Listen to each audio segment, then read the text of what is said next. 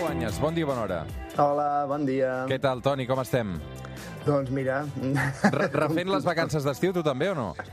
Eh, Una part sí, però jo les faré l'agost, però si teníem una cosa, una casa rural, eh, ja està, tot més o menys canviat a aquestes alçades. Avui amb el Toni Cruanyes ens fixarem amb els resultats d'un projecte mundial de seqüenciació genètica que ha publicat aquests dies la revista Science, Toni.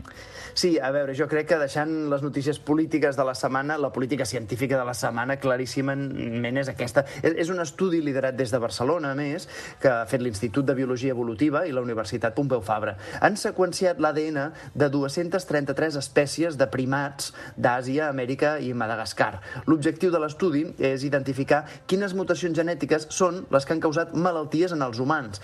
Aparentment és una idea molt senzilla, és a dir, si en un tumor hi trobem una mutació que no la veiem a cap genoma de primats, i estem parlant de 35 milions d'anys d'evolució, eh, per tant, aquella mutació que trobem en un tumor i no en els genomes de tots aquests primats, és molt possible que aquella mutació sigui la que ha causat el tumor. És a dir, som davant d'un- d'un d'un avenç científic que pot curar malalties en un futur, Toni. Clar, jo, jo no en sé prou de medicina per explicar-ho millor, però des del punt de vista històric el que demostra que s'estigui fent aquest estudi és encara més com de, rela de relacionats estem nosaltres amb els nostres parents no tan llunyans, els primats. Clar, resulta que no només eh, som cosins germans dels micos i dels ximpanzés, sinó que, a més, eh, ens poden ajudar d'alguna manera a millorar la salut.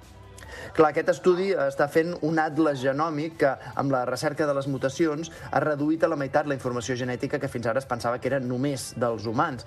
I, i només aquestes mutacions pròpies dels homo sapiens expliquen per què els humans anem drets, per exemple, per què no tenim pèl o per què tenim el cervell més gran. Què en sabem, Toni, dels efectes en la nostra salut d'aquest avenç?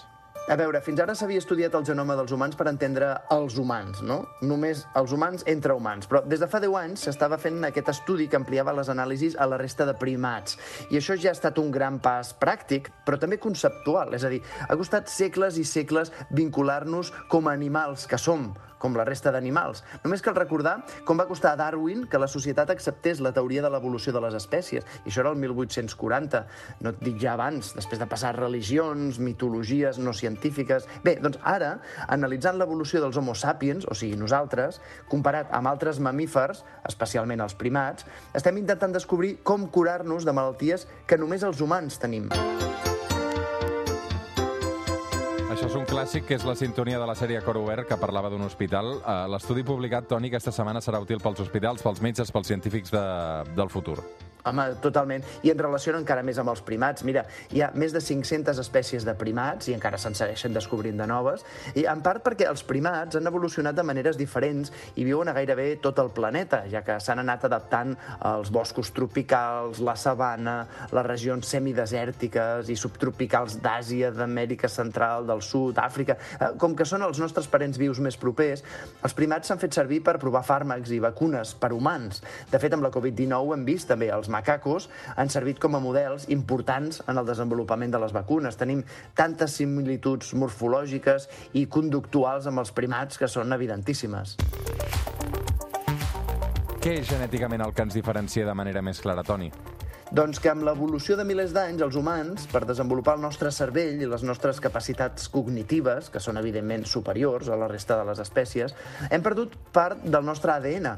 De fet, unes 10.000 peces de l'ADN de la regió del genoma que tenen la resta dels mamífers, nosaltres, els humans, no les tenim. I això què vol dir? Eh, els gens no només muten, sinó que també s'esborren.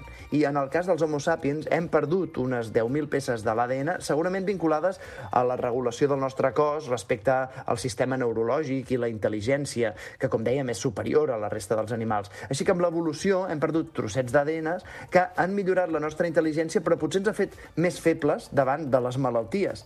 És a dir, l'estudi de comparar els ADNs de tots els animals és per saber, per exemple, per què els ossos hivernen, o perquè els ratopins, que, que són un tipus de rata sense pèl, perquè els ratopins no desenvolupen el càncer, per exemple, o, o perquè les balenes són tan longeves, viuen tants anys. Tot això ho estudiem per després intentar aplicar-nos-ho als humans. I el que hem descobert de moment és que potser la nostra evolució com a espècie ha estat bona per algunes coses, però dolenta per altres. O sigui que som més febles que altres espècies per culpa de ser més intel·ligents, Toni. Doncs sí, sí. Darwin pensava que nosaltres érem al cim de l'evolució de les espècies, però ara veiem que desenvolupant-nos com ho hem fet, hem sacrificat part de la nostra genètica per millorar el nostre cervell. D'aquesta manera hem deixat de desenvolupar altres parts de la genètica relacionades amb el metabolisme, les cèl·lules grasses, el fetge o els teixits digestius. En resum, que no és que nosaltres siguem més desenvolupats que els altres animals, sinó que ells han evolucionat en altres direccions. Això ens ha fet a nosaltres més intel·ligents, però no necessàriament més sants. Abans ho dèiem dels primats, que han canviat el seu cos per estar a diferents boscos d'arreu del món. Clar, nosaltres el nostre cos no ha canviat per adaptar-se millor a altres coses. En tot cas, el nostre cervell ha servit per adaptar la resta del món a nosaltres. Clar, això hauria de ser un bany d'humilitat per nosaltres, els homes, quan veiem altres animals eh, que, bé, fins ara els hem vist com a inferiors i potser no els hauríem de veure com a inferiors a nosaltres.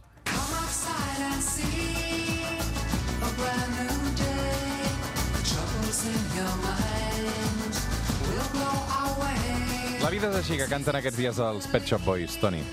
Ells ho saben, per això es fan dir els nois de la botiga d'animals, no? A veure, els Pet Shop Boys són una mica animals, també, sí.